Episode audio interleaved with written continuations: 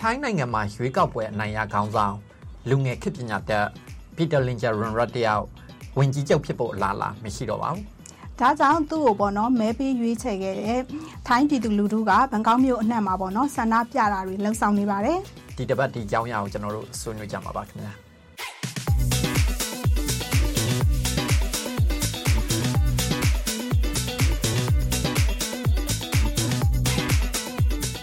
RFA ရဲ့ဒီတပတ်မှာပြောချင်စရာ focus အစီအစဉ်ကနေပြန်လဲကြိုဆိုပါရစေကျွန်တော်ကဆော့ဖို့ခွာပါကျွန်မဝေမာထွန်းပါရှင်မဝေမာဒီတပတ်ပြန်ရောက်လာပြီနော်ဟုတ်တယ်လက်မတော်တဆဖြစ်ပြီးတော့လေလက်ကျိုးသွားလို့အဲ့ဒါနှစ်ပတ်လောက်ကျွန်မပျောက်သွားတာအခုတော့တက်တာလို့ပြန်ပေါ်လာပြီရှင်အခုရောအချင်းနေဘယ်လိုကောင်းသွားပြီလားတက်တာတယ်ဒါပေမဲ့ဟိုပတ်တီရောမဖြီရသေးဘူးပေါ့နော်ကြောက်ပတ်တီစီးထားပေါ့အော်ဟုတ်ကဲ့ဟုတ်ကဲ့အဲ့တော့စောနာပြောခဲ့တယ်လို့ပဲဒီတပတ်တော့ဒီ ထိုင်းမှာဝင်ကြီးကြောက်လောင်ဖြစ်တစ်ပြေခဲ့တဲ့ Peter Linger Runrat တယောက်သူ့ရဲ့မျှော်လင့်ချက်တွေပျောက်ဆုံးသွားရတဲ့အကြောင်းကျွန်တော်တို့ဆွေးနွေးကြမှာပါ သူ့မျှော်လင့်ချက်အပြင်ပေါ့နော်ဒါမြန်မာပြည်သူလူထုရဲ့မျှော်လင့်ချက်လည်းပျောက်ဆုံးသွားတဲ့သဘောပေါ့ဘာလို့ပြည်သူလူထုရောထိုင်းပြည်သူလူထုရောအေးပေါ့ဘာလို့လဲဆိုတော့ဒါဟိုပီတာကသူ့သားဝင်ကြီးချုပ်ဖြစ်လာပြီဆိုရင်မြန်မာအရေးကိုပေါ့နော်အလေးပေးပြီးတော့လှုပ်ဆောင်မယ်လို့ပြောထားတဲ့အတွက်ထိုင်းရောက်နေတဲ့မြန်မာတွေရောပေါ့နော်သူတို့ရဲ့ဒီထိုင်းနိုင်ငံမှာခိုလုံနေထိုင်ရတဲ့အခြေအနေတွေပိုတိုးတက်လာမယ်ထိုင်းမြန်မာဆက်ဆံရေးကလည်းဒါဒီမိုကရေစီအင်အားစုတွေနဲ့ပိုနီးစပ်လာမယ်ဆိုပြီးတော့ပေါ့နော်ပီတာဝင်ကြီးချုပ်ဖြစ်ဖို့မြန်မာပြည်သူတွေကလည်းထိုင်းပြည်သူတွေလိုပဲလူလားနေကြကြတာလေဟုတ်ပါပဲပြပြောထိုင်းဆိုတာဒါမြန်မာပြည်ရဲ့အနီးဆုံးအိမ်နီးချင်းကောင်းမယ်ဒါထိုင်းနဲ့မြန်မာဆိုတာကီလိုမီတာ1400လောက်နယ်နိမိတ်ချင်းထိစပ်နေတဲ့မြန်မာပြည်ကထွက်ပြေးတဲ့ဒါစစ်ဘေးဒုက္ခသည်တွေကိုပေါ့နော်အခုမှမဟုတ်ဘူးဟိုရင်ကနေကဒါသူ့နိုင်ငံမှာခေါ်ထားတယ်ခေါ်ထားတယ်ဒါဟိုပါပေါ့နော်မြန်မာတွေရဲ့ဒုတိယအိမ်ပဲဖြစ်နေတာပေါ့အဲကြတော့မဟုတ်မှာအခုတော့ဒီဖီတာတယောက် ဝင်ကြီးချုပ်မဖြစ်တော့ဘူးဆိုတော့အခုလက်ရှိထိုင်းနိုင်ငံမှာဆန္ဒပြပွဲတွေကလည်းဒါဘန်ကောက်မြို့ပေါ်မှာများပြဖြစ်နေရပေါ့နော်ပေါ့နော်ဒါပေမဲ့အရင်တုန်းကလောက်တော့ဆန္ဒပြပွဲတွေကဆိုးဆိုးတွန်းတွန်းတော့မရှိသေးဘူးအခြေအနေကိုစောင့်ကြည့်နေတဲ့သဘောပေါ့ပေါ့ပြီးခဲ့တဲ့ဒီရှက်နေရှောက်ဝါတွေလိုမျိုးပေါ့နော်အဲ့လောက်တော့ဖြစ်မယ်လို့မထင်ဘယ်လိုထင်လဲ အော်မပြောနိုင်သေးဘူးပေါ့နော်အခုဟာကြတော့ယတိပြက်ပေါ့နော်သူလုံးလုံးပေါ့နော်ဟာဝင်ကြီးချုပ်အဖြစ်ကနေပြီးတော့ဒါဟိုလုံးဝမဖြစ်နိုင်တော့ဘူးဆိုတဲ့ဟာမျိုးမဟုတ်တော့ဒါလူတွေကစောင့်ကြည့်နေတဲ့အနေအထားပေါ့နော်သူတို့လိုလားတဲ့အစိုးရမဖြစ်ဖဲနဲ့ဒါပေါ့နော်စစ်တပ်ကပဲဒါအစိုးရပြန်ဖွဲ့မယ်ဆိုရင်ဘလို့လားလာရှိနိုင်မလဲဆိုတာကတော့ဒါစောင့်ကြည့်ရမယ့်အခြေအနေပေါ့နော်ပီတာလည်းဒါတော်တော်လေးကိုခက်ခက်ခဲခဲဖြတ်တန်းခဲ့ရတယ်ပေါ့နော်ပြီးခဲ့တဲ့နှစ်ခေါက်တာဝင်ကြီးချုပ်လောင်းအဖြစ်လွတ်တော်ထဲမှာမဲပေးကြတဲ့အခါကျတော့သူ့ကိုဒီစစ်တပ်ပေါ့နော်စစ်တပ်ကြောထောက်နောက်ခံပေးထားတဲ့အမတ်တွေကတော်တော်လေးကိုကန့်ကွက်ခဲ့ကြတာဒါမြန်မာပြည်တွင်းမှာလိုပဲပေါ့မြန်မာပြည်မှာ436ကိစ္စတို့ဒါတောင်ဆန်းစုကြည်ကိုတမရမဖြစ်အောင်လုပ်ထားတဲ့59စလုံးပြင်ဆင်ရေးတွေကိုသွားပြီးတော့မြင်ရတဲ့အချိန်ကလည်းဒါအာလွတ်တော်ထဲကအစိတ်သားတက်မတော်သားကိုယ်စားလှယ်တွေပေါ့နော်အာဟိုတယောက်မကျန်ကန့်ကွက်ကြတယ်လို့ပေါ့အခုလေအခုလည်းအဲ့လိုပဲတွေ့ရတယ်အာ အဓိကဘာလို့လဲဆိုတော့ဒါပီတာပေါ့နော်သူသားဒါဝင်ကြီးချုပ်ဖြစ်လာမယ်ဆိုရင်ဒါထိုင်းရဲ့ပေါ့နော်ဟိုလွတ်တော်ထဲမှာဒီစစ်တပ်ပေါ့နေရာယူထားတာကိုရှော့ချဖို့ဒါထိုင်းဘရင်စနစ်အရာပေါ့နော်ဖွဲ့စည်းပုံအခြေခံဥပဒေမှာထိုင်းဘရင်စနစ်ကိုပေါ့နော်ဒါအသားပေးထားတဲ့ဥပဒေတချို့ပြင်ဆင်ဖို့ပေါ့နော်ဒါပြောဆိုပြီးတော့ရွေးကောက်ပွဲဝင်လာတဲ့ခါကျတော့ဒါဟိုဒီလူကြီးပိုင်းတွေလည်းဖြစ်တယ်ဒါရှေးရိုးဆွဲတွေလည်းဖြစ်တယ်စစ်တပ်အင်အားစုကတော့ဒါလုံးဝမကြိုက်ကြတဲ့သဘောပေါ့နော်ဘရင်စနစ်နိုင်ငံတစ်ခုမှာဘရင်ကဘောင်မီတုံနဲ့လမ်းပေါ်ထွက်ထွက်သွားနေလို့ရှိရင်တော့ဒါထိုင်းပြည်သူလူထုကဘရင်ကိုထောက်ခံနေစေနိုင်ငံဆိုတော့လေအဲ့ဒီကြတော့ဒီလွတ်တော်ထဲမှာဆိုရင်လည်းတွေ့တဲ့အတိုင်းပဲသူ့ကိုအခုနောက်ဆုံးဒါအမတ်ဖြစ်ကနေပါ ပေါ့နော်မဖြစ်နိုင်ဘူးပေါ့နော်ဥပဒေနဲ့ညီစွန်းတယ်ဆိုပြီးတော့ရက်ဆိုင်လိုက်တယ်ဒါထိုင်းရဲ့ဥပဒေမှာဆိုရင်ဒါဟိုလွှတ်တော်အမတ်တွေကပေါ့နော်မီဒီယာတွေနဲ့ဆက်ဆက်မှုမီဒီယာတွေလုပ်ငန်းတွေမှာပါဝင်ပတ်သက်မှုမရှိအောင်ဆိုပြီးတော့ဥပဒေပြဋ္ဌာန်းထားတာရှိတယ်သူ့အဖေပိုင်နေပေါ့နော်ကုမ္ပဏီကိုသူကအမွေရထားတာမီဒီယာကုမ္ပဏီတခုတည်းအမေရိကမှာဆိုလို့ရှိရင်တော့ဒါဒေါ်နယ်ထရမ့်ဆိုလဲနော်သမ္မတဒေါ်နယ်ထရမ့်ဆိုလို့ရှိရင်လဲမီဒီယာကုမ္ပဏီတွေပိုင်တာဘာမှဖြစ်ပြီမဲ့ထိုင်းရဲ့ဥပဒေထဲမှာကျတော့အဲ့လိုမျိုးမီဒီယာကုမ္ပဏီပိုင်တာမရှိအောင်ဆိုတော့ပြထားအဲ့ဒါလဲဒါပေါ့နော်ဒါ prior ဟိုခြံမူချပေါ့နော်သူဒီအာနာသိမ့်လိုက်ပြီး2014မှာမှဒီဥပဒေကအသစ်ပြဋ္ဌာန်းလိုက်တာပေါ့နော်အခုစနာအာနာသိမ့်နေဆိုလို့အာနာသိမ့်မှုတွေထိုင်းမှာဆက်ဖြစ်လာအောင်မလားဆိုတာလည်းဒါမေးခွန်းတစ်ခုပေါ့နော်ဆိုတော့ထိုင်းမှာအာနာသိမ့်မှုဖြစ်မလားဆိုတာထိုင်းနိုင်ငံကတော့သိတဲ့အတိုင်းပဲဟိုနှစ်ပေါင်းများစွာပေါ့နော်အာနာသိမ့်မှုကအခုကျွန်တော်သိတလောက်ဆိုလို့ရှင်ဒါစင်နဲ့ချီတဲ့အာနာသိမ့်မှုတွေ အောင်မြင်လဲအောင်မြင်ခဲ့တဲ့အာနာသိမ့်မှုတွေအခုလောလောလတ်လတ်တော့ဒါ2014ခုမှာဒီအခုဝင်ကြီးချုပ်ပရာယုချန်ချာနေပြီးတော့ဒါတိန်းထားတဲ့အာနာသိမ့်မှုပေါ့ဒါပေမဲ့ပရာယုချန်ချာကတော့ပြီးခဲ့တဲ့ရပဲအမကြားတဲ့အတိုင်းပဲသူကနိုင်ငံရေးကနေအနာယူတော့မယ်သူက69နှစ်ပေါ့နော်ဒီဆရာရအနာယူတော့မယ်ဆိုတော့သူကဘလို့နီးနဲ့ဒီနိုင်ငံရေးထဲကိုပြန်ဝင်လာဖို့စောင့်နေလဲဆိုတာကတော့ကျွန်တော်လည်းမပြောတတ်ဘူးပေါ့နော်ထိုင်း နိုင်ငံရလည်းတော့ရှက်ပြတာမှာအာနာသိန်းတာနဲ့မြန်မာမှာအာနာသိန်းတာနဲ့ဘာကွာလဲလို့ဆိုပြီးတော့ဒါဟိုလူကြီးနဲ့စကားပြောတဲ့ခါကျတော့ဘောနော်ပြောဖြစ်ကြသေးရဲ့မြန်မာပြည်မှာတော့ဟိုစားအာနာသိန်းပြီးနောက်ပိုင်းမှာတော့ဟိုပြည်သူတွေကိုဖမ်းနေတတ်တယ်ပေါ့နော်ထိုင်းမှာတော့နည်းနည်းလေးတက်တာနေတာသူတို့ပြည်သူတွေကိုဖမ်းပြီးတက်တာမျိုးတော့မရှိဘူးပေါ့နော်အဲ့လိုမျိုးတော့ကွာခြားချက်တော့ရှိရပါထိုင်းမှာအာနာသိန်းမှုအကြိမ်ကြိမ်ဖြစ်ခဲ့ပြီမဲ့ထိုင်းစစ်ဗိုလ်ချုပ်တွေကမြန်မာစစ်ဗိုလ်ချုပ်တွေလောက်မစိုးသွမ်းလောက်ဘူးလူတို့ကို တတ်တာမရှိခဲ့ဘူးပေါ့နော်ဒီအကြောင်းနဲ့ပတ်သက်ပြီးတော့ပေါ့နော်အမားတို့ဒီအာဆီယံအရေးလေးလာနေတဲ့ကိုကြည်စင်ကိုပေါ့နော်ဆွေးနွေးဖို့ဖိတ်ခေါ်ထားတယ်လေဟုတ်ကဲ့ခင်ဗျကိုကြည်စင်မင်္ဂလာပါနော်မင်္ဂလာပါရှင်မင်္ဂလာပါဗျကိုကြည်စင်ကအခုလက်ရှိထိုင်းမှာလည်းရောက်နေတယ်ဆိုတော့လေဒီပီတာဝင်ကြီးချုပ်ကအဖြစ်ကနေလက်လျှော့လိုက်ပြီဆိုတော့ပေါ့နော်အခုလက်ရှိထိုင်းမှာဆန္ဒပြပွဲတွေဖြစ်နေလားဘလို့နိုင်ငံရေးခြေနေတွေရှိနေလဲကိုဒီရပိုင်းမှာတော့စပြီးတော့ဒီပီတာကလက်လျှော့လိုက်ဆိုတော့ တန်ထွက်လာတဲ့အချိန်မှာဆန္ဒပြပွဲတွေကတော့စလာတွေ့ရတယ်ပေါ့အထူးဖြင့်တော့လူငယ်အတိုင်းဝိုင်းရပြီးတော့ဒီ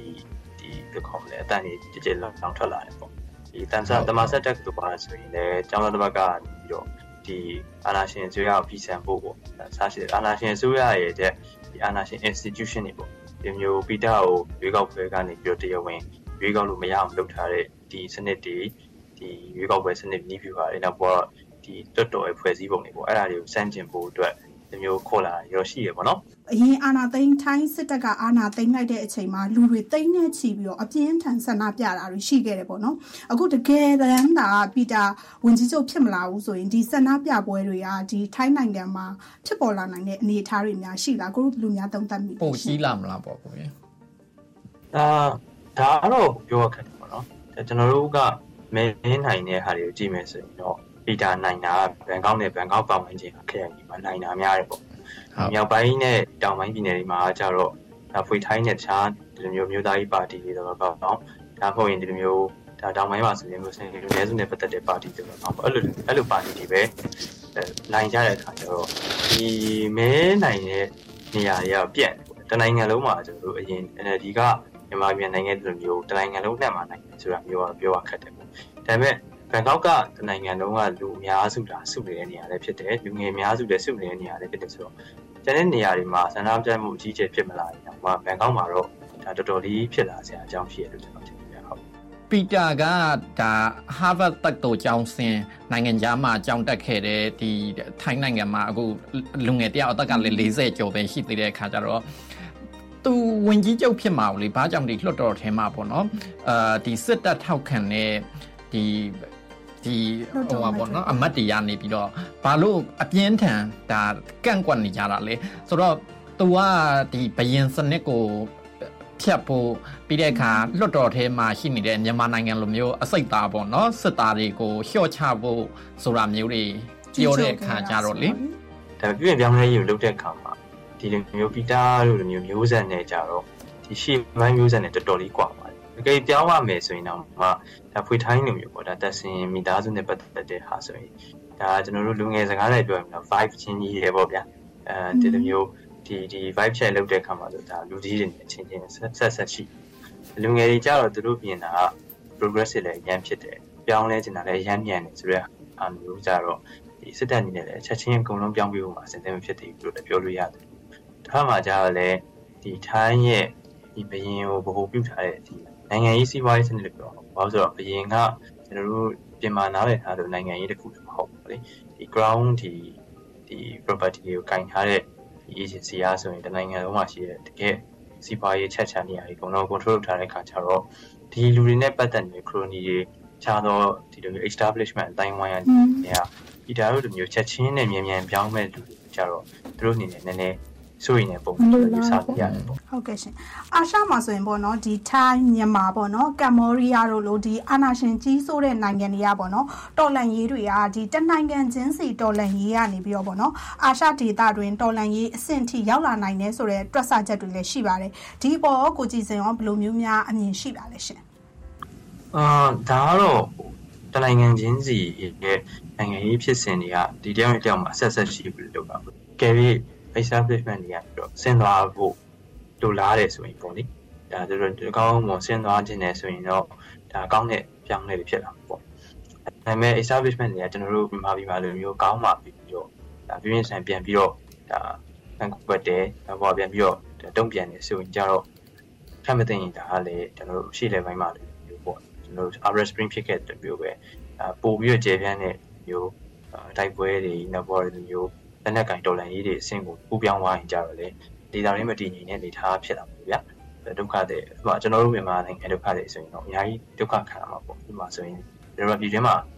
အဆင်ပြေလို့ထိုင်းဘက်ကိုရွှေ့ခဲ့ကြတာလေဆိုတော့ထိုင်းဘက်မှာလက်နက်ကင်တော်လန်ရေးအသွင်ကိုပြောင်းသွားရဆိုရင်မြန်မာဒုက္ခတွေက ဘယ်ဟိုပြေးရမှမသိတဲ့ပုံရောက်သွားမယ်အနေထားဖြစ်တာပေါ့အကိုပီတာအောင်ကတော့ပြောခဲ့တာဒါမြန်မာပြည်ဆိုလို့ရှိရင်ဒီဒီအမေရိကန်လောက်တဲ့ဘာမှအတေကိုထောက်ခံအားပေးမယ်တော့သိတယ်မလားလူသားချင်းစာနာမှုအကူအညီတွေပေးမယ်တော့အဲကြတော့မြန်မာပြည်သူတွေကလည်းမျှော်လင့်ကြရပေါ့ဒါပီတာပေါ်မှာပေါ့နော်သူက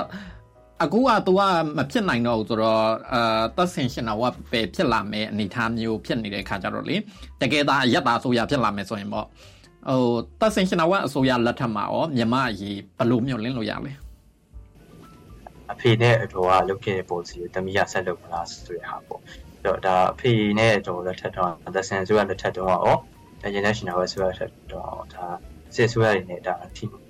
ဆက်ဆံတာရှိခဲ့တယ်ဗျာသဆန်ဆိုရလက်ထက်မှာဆိုပါရင်လည်းတိုင်းနိုင်ငံရဲ့အကျိုးစီးပွားကိုပို့ပြုပြီးတော့ဒါစစ်ကောင်စီစစ်ဆိုရပေါ့အတော့ကတော့စစ်ကောင်စီမဟုတ်ဘူးဗျာကျွန်တော်ရေနာဝဒဆိုရလက်ထက်တွေတော့ကဒါဆက်ဆံတာရှိခဲ့တယ်ပုံမှန်ရေတဘာတောင်းမိပိုင်တိုင်းတွေလုပ်ခဲ့တာလို့ပါလို့သဆန်မိသားစုကတော့အစင်လာအဖြစ် စီးပွားရေးလုပ်ငန်းရှင်ဖြစ်တဲ့အတွက်ကြောင့်မလို့သူတို့ထိုင်းနိုင်ငံရဲ့မျိုးသားအကျိုးစီးပွားကိုကြည့်ပေါ့ထိုင်းမျိုးသားအကျိုးစီးပွားကမြန်မာနိုင်ငံရဲ့တည်ငြိမ်မှုတည်ထိုင်းမျိုးသားအကျိုးစီးပွားအတွက် ရေးပါတယ်ဆိုရင်ဒီလိုတည်ငြိမ်ရေးကိုတွန်းမှာပေါ့ဒီစစ်တပ်ကြောထောက်နောက်ခံပါတီတွေဖြစ်တယ်ပေါ့နော်လက်ရှိဝန်ကြီးချုပ်ကပဲဖြစ်ဖြစ်ပေါ့နော်ဒီအိမ်ဆောင်အစိုးရဒုတိယဝန်ကြီးချုပ်ကပဲဖြစ်ဖြစ်ဒီပါတီတွေကနေပြီးတော့ဟိုဝန်ကြီးချုပ်တွေဖြစ်လာနိုင်မယ်ဆိုရင်ရောဒီထိုင်းရောက်နေတဲ့ပေါ့နော်မြန်မာနိုင်ငံသားတွေရဲ့အခြေအနေကဘယ်လိုများရှိနိုင်လဲရှင်ဟုတ်တယ်ဒါထိုင်းရလေလေမြန်မာနိုင်ငံရဲ့ဒုတိယအိမ်ဆိုတော့ကိုရဲ့ထိုင်းဒီစစ်တပ်ဘက်အတိုင်းဝိုင်းရပုံမှန်အဖြစ် ဒါသူကနေဆက်လုံးကြုံကြီးနဲ့ပတ်သက်သူကသဘောထားတင်ပါတယ်ပေါ့ဗျာ immigration နဲ့ပတ်သက်တဲ့ policy မှာလည်းသဘောထားတင်ပါတယ်အားရှိတဲ့အခါကျတော့သူတို့အစိုးရအဖွဲ့တွေမှာဆက်ပါလာရင်တော့ဒါနည်းနည်းလေးစိုးရင်ကြတော့ရှိတာပေါ့လေဟုတ်ကဲ့ပါကိုကြည်စင်အခုလိုချိန်ပေးဖြည့်ပေးရတဲ့အတွက်ကျမတို့ကကျေးဇူးတင်ပါတယ်ရှင်ကျေးဇူးတင်ပါတယ်ကွာ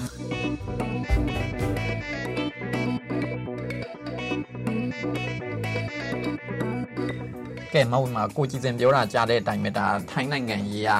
ဝင်ကြီးချုပ်ဘယ်သူဖြစ်လာမလဲဆိုတာတော့မသေးမစားသိကြသေးဘူးဒါပေမဲ့သိကြတာတစ်ခုကတော့ဒီ move forward party ဖိကြရဲ့ party ပေါ့နော်အာမြန်မာလိုပြောမယ်ဆိုရင်ရှေ့တူပါတီကတော့သူကဝင်ကြီးကျုပ်လောင်နေရအတွက်ဟိုပီတာတယောက်တည်းကိုပဲလျာထားတဲ့အခါကျတော့အခုသူ့ရှိမှနောက်ထပ်သူကမရှိဘူးလို့မျိုးဖြစ်နေတာပေါ့နော်သူတို့ညွန်ပေါင်း ဖွဲ့ထားတဲ့ဖွဲ့ရှိရရှစ်ဖွဲ့ပါတီရှိရရှစ်ပေါ့ပါတီနော်ဒီပါတီတွေဘက်ကလည်းဒါအဆိုပြုပြီးတော့အသက်တွေတင်လာနိုင်စရာရှိရဒီလွှတ်တော်ထဲမှာပေါ့နော်ဒီ move forward party ပြီးပြီဆိုရင်ဒါဒုတိယပေါ့နော်မဲများဆုံးနိုင်ထားတဲ့ဒီခွေထိုင်းပါတီကလည်းပေါ့နော်သက်စင်ရှင်နာဝက်ထရာကိုဒါဟိုဝင်ကြီးချုပ်အဖြစ်ပေါ့နော်တင်လာနိုင်စရာရှိတယ်လို့ဒီထိုင်းနိုင်ငံရဲ့အကဲခတ်တွေကသုံးသပ်ကြတာလည်းရှိဆိုတယ်တော့လေအဲ့ဒါဆိုလို့ရှိရင်ဒီ ထိုင်းစစ်တပ်ကပါရွေးကောက်ပွဲပြည်သူလူထုရဲ့ရွေးကောက်ပွဲရလက်ကိုလက်ခံမဲမြန်မာစစ်တပ်လိုမျိုးအာဏာမသိမ်းဘူးဆိုလို့ရှိရင်တော့ဒါသက်စင်ရှင်နာဝါဥဆောင်တဲ့အယက်တာဆိုရဖြစ်လာနိုင်ခြေရှိပေမဲ့တစ်ဖက်ကလည်းဒါမြန်မာပြည်လိုပဲဟိုမဲနည်းနည်းလေးပဲရတဲ့စစ်တပ်ကြောထောက်နောက်ခံပြုကြတဲ့ဒါပရာယုချန်ဝန်ချာရဲ့ရဲ့ပါတီပေါ့နော်အဲ့ဒီပါတီကလည်းဟိုချောင်းနေတာအမရဲ့ သူသူ့ကိုလည်းဝင်ကြီးချုပ်ဖြစ်တင်နိုင်တယ်တစ်ဖက်ကလည်းဒီအိမ်ဆောင်အစိုးရဖြစ်တယ်ပေါ့နော်ဒုတိယဝင်ကြီးချုပ်ရဲ့ပါတီကလည်းရှိနေတယ်အဲ့ဒီပါတီကလည်းသူ့ဒုတိယဝန်ကြီးချုပ်ကိုပေါ့နော်ဒါဝန်ကြီးချုပ်ဖြစ်ဒါအဆိုပြုလာနိုင်တယ်လေဒါဒီထားလိုက်ပါအောင်မြန်မာပြည်သူတွေလိုချင်နေတာကတော့ဒါဆွမ်းနာပြောခဲ့တယ်လို့ပဲထိုင်းဆိုတာမြန်မာနိုင်ငံရဲ့ဒုတိယအိမ်နိုင်ငံတကာကိုချိတ်ဆက်မယ်ဆိုလို့ရှင်လဲဒါထိုင်းကနေသွားရတာပြင်လူသားချင်းစာနာမှုအကူအညီတွေနိုင်ငံတကာပေးမယ်ဆိုရင်လည်းဒါထိုင်းကနေပြီးတော့ပဲပဲ လာရတာလေအခုလက်ရှိတာကျွန်တော်တို့တကယ်ချင်းထိုင်းမှာအများကြီးကိုအကြတော့မြန်မာပြည်သူတွေမျှော်လင့်နေတယ်လို့ထိုင်းပြည်သူတွေမျှော်လင့်နေတယ်လို့ပေါ့နော်အာနာရှင်တွေထိုင်းနိုင်ငံကိုမြန်မာနိုင်ငံကိုအဆုံးသတ်ဖို့ဆိုတာကတော့ဘယ်လိုပြောရတကယ်လို့အာနာသိမ့်မှုတာဆက်ဖြစ်လာမယ်ဆိုလို့ရှိရင်တော့ဆွမ်းနာကိုကြည်စင်ထောက်ပြသွားတယ်လို့လေဟိုအဲ့မှာလေ တက်ကြပြက်ကြဒီမြန်မာနိုင်ငံနိုင်ငံကြီးမကောင်းလို့ပြေးရတဲ့ထဲကိုပြေးတဲ့နိုင်ငံမှာကိုကိုလုံတဲ့ဒုတိယနိုင်ငံမှာပါနိုင်ငံကြီးကမကောင်းဆိုလို့ရှိရင်တော့တော်တော်တော့ခက်ခဲမဲ့အနေထားမှာရှိတယ်ပေါ့နော်